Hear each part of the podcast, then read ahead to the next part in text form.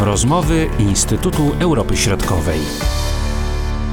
Przed mikrofonami Marcin Superczyński, witam Państwa. Ukraina świętuje 30-lecie niepodległości. W ciągu tych lat, pomimo konfliktu z Rosją i utraty części terytorium, państwo to konsekwentnie się umacnia. Podtrzymywane są także prozachodnie aspiracje dotyczące członkostwa w Unii Europejskiej i NATO.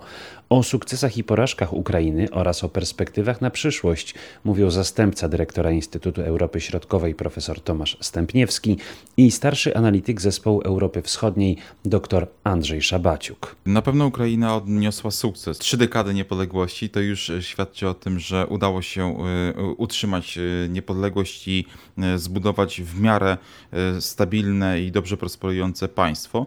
Natomiast na pewno spośród tych minusów tutaj możemy wskazać y, utraty terytorialne. To nie, nie jest oczywiście wina Ukrainy, ale utrata Krymu, konflikt zbrojny na Donbasie to jest y, ten problem, który rzutuje na sytuację wewnętrzną, ale również międzynarodową Ukrainy. Ostatnia platforma krymska, powołanie właśnie tejże platformy świadczy o tym, że Ukraina nie zapomina o Krymie, ale ta sytuacja jest bardzo skomplikowana z punktu widzenia zarówno tej sytuacji wewnętrznej i zewnętrznej.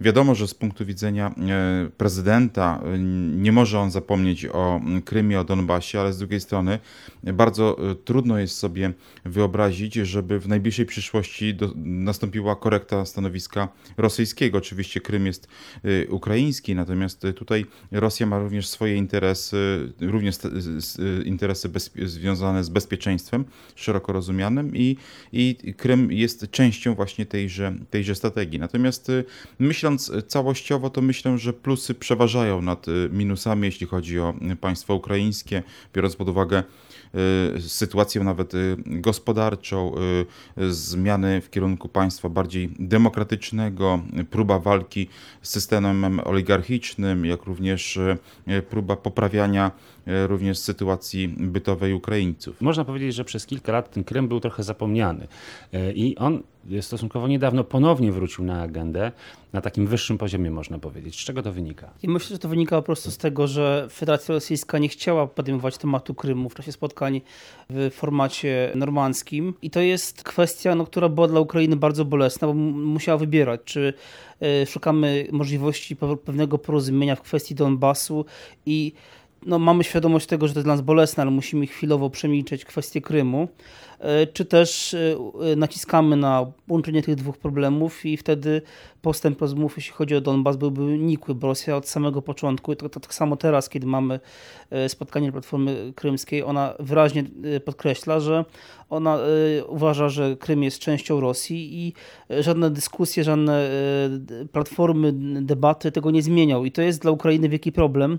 Dlaczego? Bo Rosja stara się przekonać Zachód do swojego stanowiska. Na szczęście póki co ani Francja, ani Niemcy, Unia Europejska, bo wiemy, że też był przedstawiciel Unii Europejskiej w czasie tego spotkania Platformy Krymskiej, no nie ulegają tym, tej, tej narracji rosyjskiej, mimo że Rosjanie oferują w zamian różne, różne ustępstwa, obietnice stabilizacji na wschodzie Ukrainy itd., tak itd. Tak póki co na szczęście, dlaczego mówię na szczęście? Ponieważ uważam, że każde ustępstwo, jeśli chodzi o, o obszar, ustępstwo terytorialne, jest skrajnie niebezpieczne, bo może to rozchodzić Rosję i rozbudzić apetyty na aneksję przykład Donbasu, ewentualnie całego południa Ukrainy, więc ja uważam, że ta kwestia jest z punktu widzenia Ukrainy priorytetowa i też były, dodajmy, zarzuty niejednokrotnie e, kierowane pod adresem prezydenta Wołodymyra Zełęńskiego.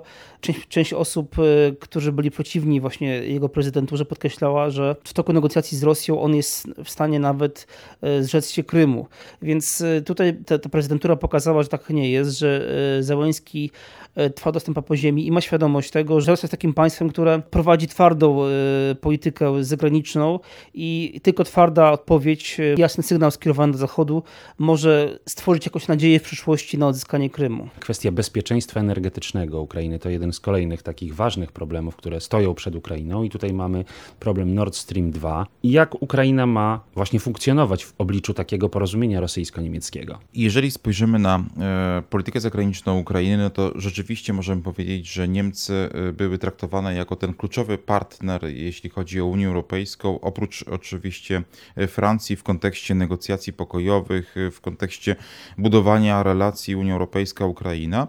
Natomiast rachunek ekonomiczny musi się zgadzać z punktu widzenia e, Niemiec i okazuje się, że te kwestie energetyczne traktowane są niejako e, oddzielnie od tych kwestii szeroko rozumianego bezpieczeństwa. Natomiast z punktu widzenia Ukrainy jest to szalenie niebezpieczna sytuacja ze względu na to, że Ukraina traci swoje znaczenie tranzytowe. Polska również na tym straci, jeżeli spadnie przesył przez terytorium państw Europy Środkowo-Wschodniej kosztem na rzecz Nord Stream 2.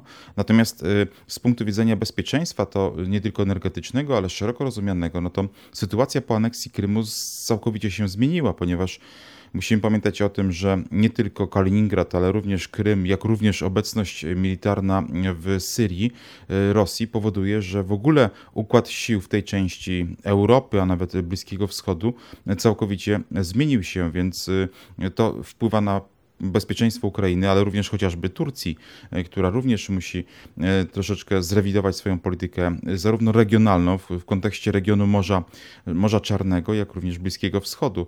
No i bardzo często zapominamy o tym, że Ukraina ma dużo do powiedzenia, jeśli chodzi o politykę czarnomorską, natomiast po aneksji Krymu to ta sytuacja całkowicie się zmieniła i teraz to Rosja jest główną rozgrywającą z punktu widzenia również możliwych tras transportu surowców energetycznych, to również wpływa na, na polepszenie sytuacji e, e, Rosji kosztem właśnie Ukrainy. Można powiedzieć, że Ukraina ma ten kierunek prozachodni ustawiony, prawda? Ale biorąc y, pod uwagę te ostatnie 30 lat, różnie było z tym kierunkiem. Czy ten kurs, który teraz jest realizowany przez władze w Kijowie, czy on jest stały? Czy może się jednak wydarzyć coś, co może go podważyć? Ja myślę, że to jest właśnie warte podkreślenia, że to jest wielki sukces Ukrainy, że mimo tych, tej presji strony rosyjskiej, a ta presja jest wielowymiarowa, Ukrainie udało się podtrzymać ten kurs pozachodni. Jak wiemy, Rosjanie wykorzystują różne instrumenty, aby skomplementować tę politykę prozachodnią.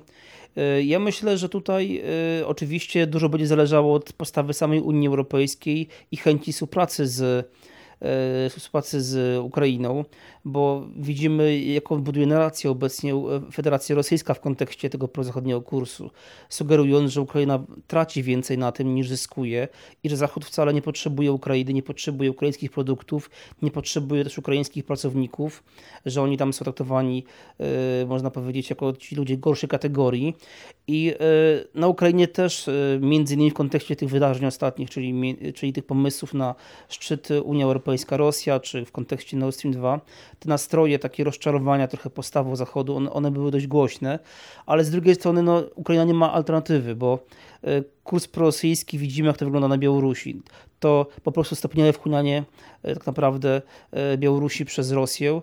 I tutaj myślę, że Rosjanie mają podobne plany, jeśli chodzi o Ukrainę. Zresztą sam Władimir Putin to podkreśla, że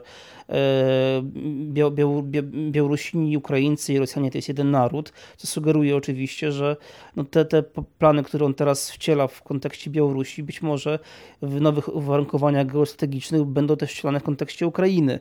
Ukraińcy jednak mimo wszystko, mimo tych pewnych y, problemów wewnętrznych, ale też polityce zagranicznej, starają się prowadzić konsekwentnie ten, ten, ten kierunek polityki prozachodni, mimo że on jest bardzo kosztowny, bo te reformy, które obecnie z różnymi sukcesami podejmuje Ukraina, one jednak są kosztowne społecznie i e, Wołodymyr Zełenski ma tego świadomość. I też między innymi nieoficjalnie to podkreśla, że on postawił swojej polityce na kurs prozachodni i oczekuje też, że Zachód będzie go wspierał w tym kursie, że, e, że będzie wspierał go w kontekście też, też presji rosyjskiej, bo ta presja rosyjska, ona od 30 lat jest bardzo silna. I, i wiemy o tym dobrze, że te wahania, które pojawiały się wcześniej, one też po części wynikały z tej presji rosyjskiej. Rosjanie nigdy się nie pogodzili z rozpadem ZSRR, nie pogodzili się z tym, że stracili tę rolę imperium globalnego i Władimir Putin będzie dążył do odbudowy tej pozycji. Oczywiście nie, nie do stworzenia nowego ZSRR, ale do stworzenia nowej sytuacji geostrategicznej, w której Rosja będzie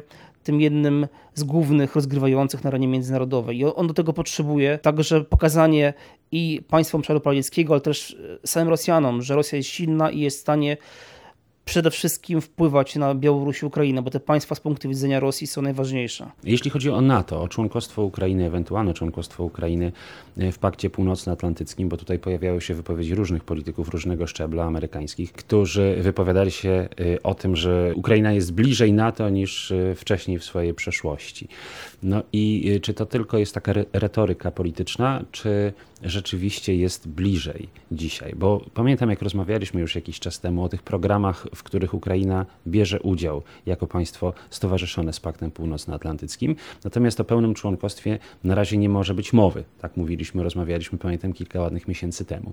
A jak to wygląda dzisiaj? Tak, czyli na razie nic się nie zmieniło, czyli Ukraina uczestniczy w programach, współpracuje z szeroko e, rozumianym sojuszem północnoatlantyckim. Natomiast biorąc pod uwagę podejście Amerykanów do polityki bezpieczeństwa, no to oczywiście Amerykanie są za tym, żeby te państwa wchodzące w skład wschodniej flanki coraz bardziej zacieśniały współpracę z państwami, które w perspektywie mogą stać się członkami, czyli mamy tutaj na myśli Ukrainę. Natomiast musimy pamiętać o tym, że w 2008 roku Ukraina i Gruzja były bardzo blisko otrzymania tego planu działania na rzecz członkostwa, tak zwanego MAP.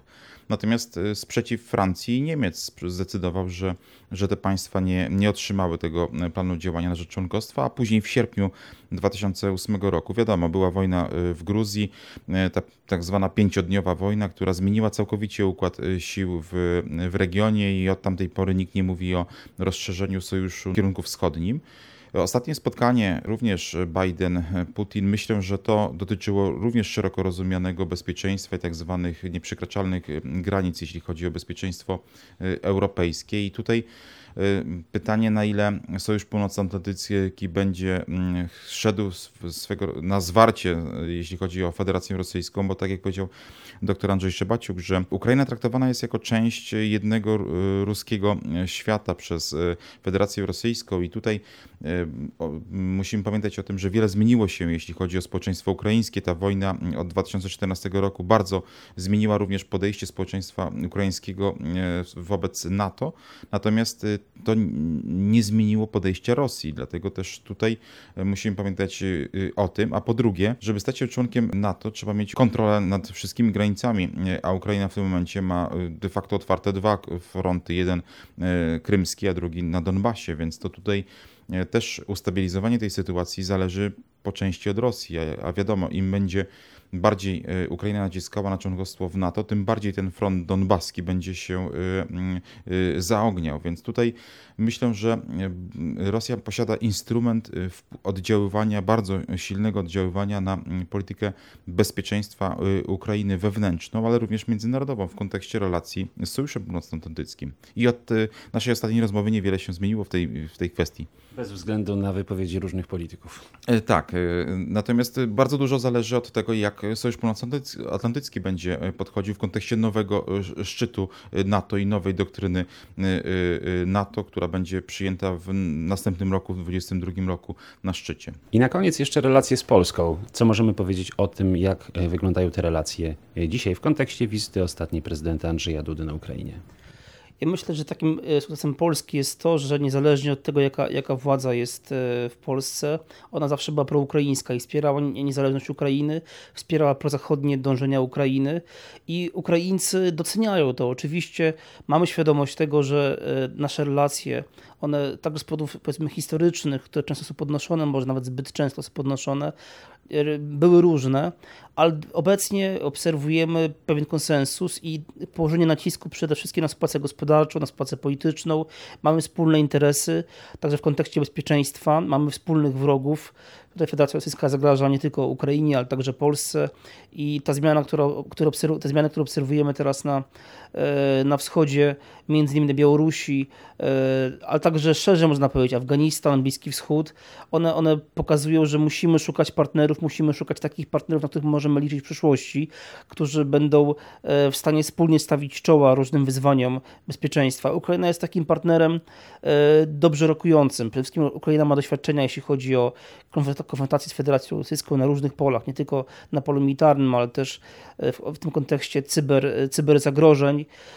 Polacy wymieniały się doświadczeniami z Ukrainą i ja myślę, że to jest do, dobry kierunek, ponieważ zawsze lepiej mieć sojusz, swojego sąsiada jako sojusznika, a nie wroga. Taką politykę prowadzą od lat Niemcy i, i konsekwentnie ją realizują, bo zależy mi na tym, żeby każdy sąsiad Niemiec był no, przyjacielem Niemiec.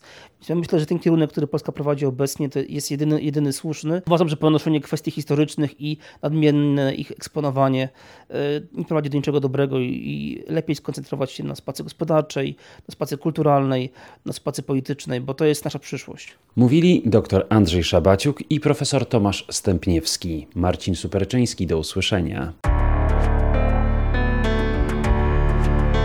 Były to rozmowy Instytutu Europy Środkowej.